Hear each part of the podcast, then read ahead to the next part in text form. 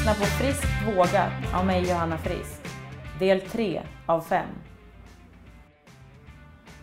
Jag hade hört att Gunde Svan hade gjort något liknande och tog därför reda på hans tider och tävlade mot dem.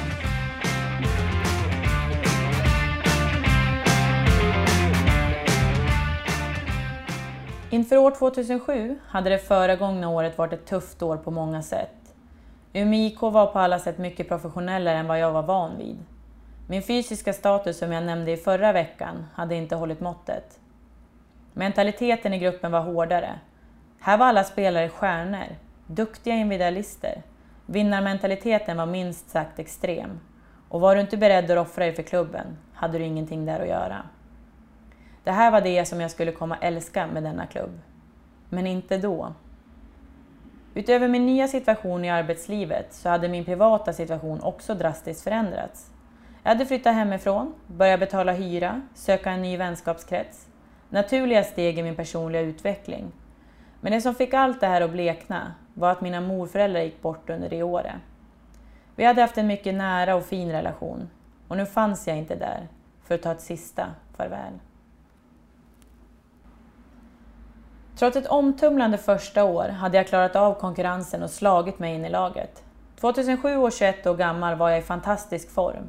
Min utveckling sköt i höjden och lovorden strömmade in. Från tränare, media, förbundskaptener, lagkamrater, andra klubbar. Det kändes härligt. Det kändes rättvist efter allt slit jag lagt ner. Ordspråket efter regn kommer solsken passade verkligen in. När jag fått höra att VM i Kina skulle bli verklighet hade vi sista matchen innan uppehållet mot Djurgården. Sju minuter in i matchen vreds mitt knä om och jag bars av.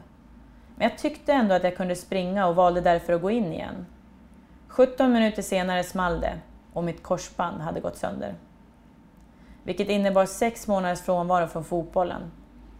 Alltså slutspelat för säsongen.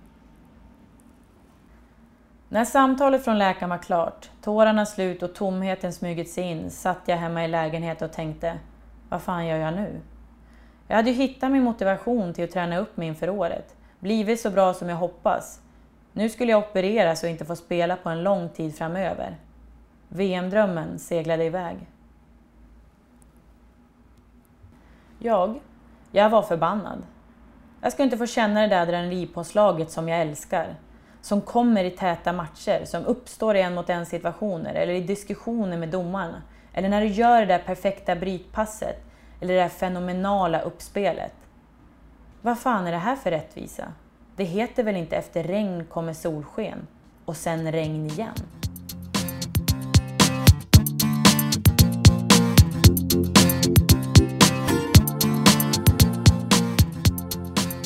Efter operationen var jag fortfarande förbannad på denna orättvisa. Jag spenderade min första månad vid planen sittandes vid sidan om. Det var oerhört jobbigt, rent ut sagt en pina. Men jag var tvungen att vara där för att känna att jag fortfarande hörde dit. Saken var den att ju mer jag var där insåg jag att jag inte hörde dit. Inte som det var nu. Laget tränar riktningsförändringar i 100% fart medan min uppgift var att träna på att kunna ha full sträckning i knät. Det var en tung men en nödvändig insikt för att kunna gå vidare. Att stå där och inse att jag inte hörde dit var förbannat jobbigt. Men också en oerhörd lättnad. Jag insåg plötsligt det faktum att jag inte var en VM-spelare, utan en skadad spelare som hade sin största utmaning i karriären framför sig. Det är lätt att drömma sig tillbaka till en tid som varit och önska att man var där. Men det medför också en svårighet att vara i och hantera nuet. Är du inte hundraprocentigt närvarande känner du dig inte fullt motiverad. Jag hade inte känt mig motiverad trots att jag hade alla förutsättningar runt omkring mig. Ett rehabteam som stod till min assistans 24 timmar om dygnet spelade ingen roll. Det var bara yttre faktorer. De nådde inte min inre motivation. Och det var den som skulle bli avgörande under min rehabiliteringstid. Jag kände mig klarsyntare än någonsin. Jag hade vaknat upp ur drömmen och befann mig i verkligheten. Den insikten gjorde att min tidigare ilska kunde kanaliseras till energi i en annan riktning. Jag började fundera på vad det var som egentligen drev mig där ute på fotbollsplanen. Vad var det egentligen som gjorde att jag alltid gav 100% och aldrig tummade på det? Jag började ställa frågor till mig själv. Vilka övningar tycker jag är kul? Varför tycker jag om dessa? Vad får jag ut av dem? Vad tycker jag är mindre roligt på planen? Varför då? Så här höll jag på, ställde frågor, vände och vred tills jag kom fram till vad det var som drev och skapade motivation hos mig. Efter att jag hade tagit reda på att effektivitet, tävlingsmomenten och målsättning var de faktorer som motiverade mig och inte fotbollen i stort, så blev nästa steg att försöka applicera det i min nya vardag. Jag började uppmana min sjukgymnast att effektivisera de timmarna jag var där. Inget onödigt snack mellan övningarna. När vi pratade gjorde vi det mestadels under övningarna istället. Jag tog även tid på hur effektiv jag kunde vara då jag bytte om, både före och efter. Jag hade hört att Gunde Svan hade gjort något liknande och tog därför reda på hans tider och tävlade mot dem. När jag vidgat min syn och låtit kreativiteten tala insåg jag att tävlingsmoment kan man lägga in i vilken situation som helst. Jag tävlar mot andras rekord, mot klockan, mot mig själv, mot nya övningar, mot perfektion och så vidare. Jag fick nya och mer utmanande övningar då jag tränade armar och mage. Jag såg till att försöka göra övningarna så perfekt som möjligt. För det skulle ju innebära att jag fick ut max av varje övning och blev därmed starkare. Jag älskar när sjukgymnasterna sa Ja, den här övningen är det få som klarar. Eller den här övningen behöver man en månad på sig för att klara av. Den typen av kommentarer fick min tävlingsinstinkt att gå på högvarv. Jag var bara tvungen att klara av dem. Jag har en vilja i att bli bäst i vad jag än tar för mig. Och det är ganska knepigt när man kör rehab. I och med att du måste vara försiktig samtidigt som jag vill pusha. Bara det var en utmaning i sig att tävla mot. Avslutningsvis satte jag upp ett slutgiltigt mål. Ett mål för då jag skulle vara 100% återställd. Det fantastiska med en korsbandsskada är att du inte kan fuska dig genom testerna för att bli fiskförklarad. Du sätts bland annat i en teststol som mäter procentstyrka på båda benen. Framsida lår, baksida lår och sen sätter man det i olika vinklar. Sen jämför det friska benet med det opererade. Du löptestas, kollas på riktningsförändringar, får hoppa och det är bara några av testerna. Som sagt, många tester och är du inte redo kommer du misslyckas på något av dem. Detta innebär att du hela tiden måste vara noggrann i allt du gör då du reparerar ditt knä från operation.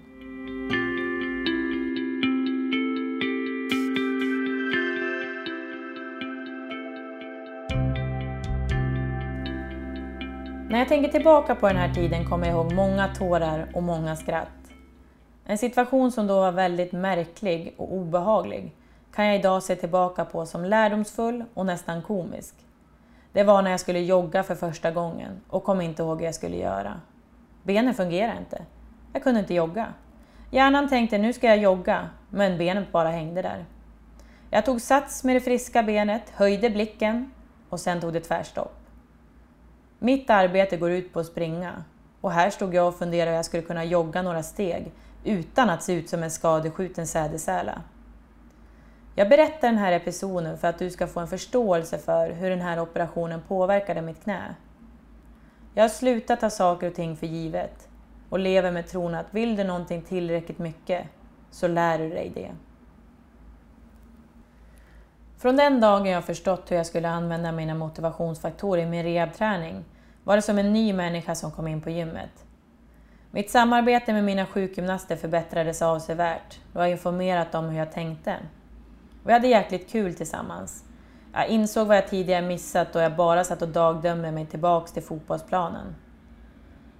För att du ska kunna nå inre motivation behöver du som individ lära dig vad som motiverar just dig och vad som inte gör det. För att göra det, börja lyssna inåt och ställ frågor till dig själv. Varför gör jag det här? Vad får jag energi av? Vad vill jag uppnå? Vad är mitt mål? Vad drivs jag av? Genom att besvara dessa frågor får du en kunskap om dig själv. Du tar reda på vad som driver dig och vad som inte gör det. Den kunskapen kan du använda i lägen då uppgiften i sig inte är motiverande. Motivation slår klass. Yttre drivkraft är inte lika stark som inre. Den är en korttidslösning men den bestående motivationen är den inre. Du vill inte bli beroende av yttre motivation. eftersom det innebär att du inte själv kan lära dig att bestiga jobbiga etapper på vägen upp till bergstoppen. Istället för att vänta på att någon ska dra dig upp kan du göra det själv i din egen takt. Så ge dig själv möjligheten att själv bestämma hur långt du vill nå genom att ta reda på hur du kan använda dig av din inre motivation. Den här upptäckten har jag burit med mig sedan dess. Som sagt, yttre faktorer kan du aldrig styra över. Det kan du däremot med de inre. Efter fem månader var jag friskförklarad och tillbaka på fotbollsplanen. Jag hann träna med laget i november samma år. Lyckan var total. Hur det än är med detta sägen, efter regn kommer solsken, vet jag inte. Det jag däremot vet, det är att använder du dig av din inre motivation kommer dina dagar bestå av mer solsken än av regn.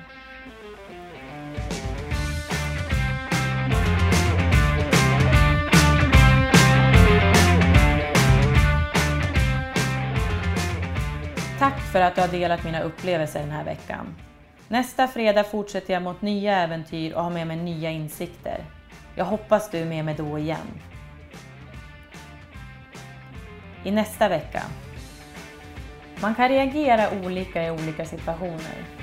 Jag upplevde att några såg på mig som ett offer. Det finns ingenting som är värre för mig. Därför bestämde jag mig för att vidta åtgärder.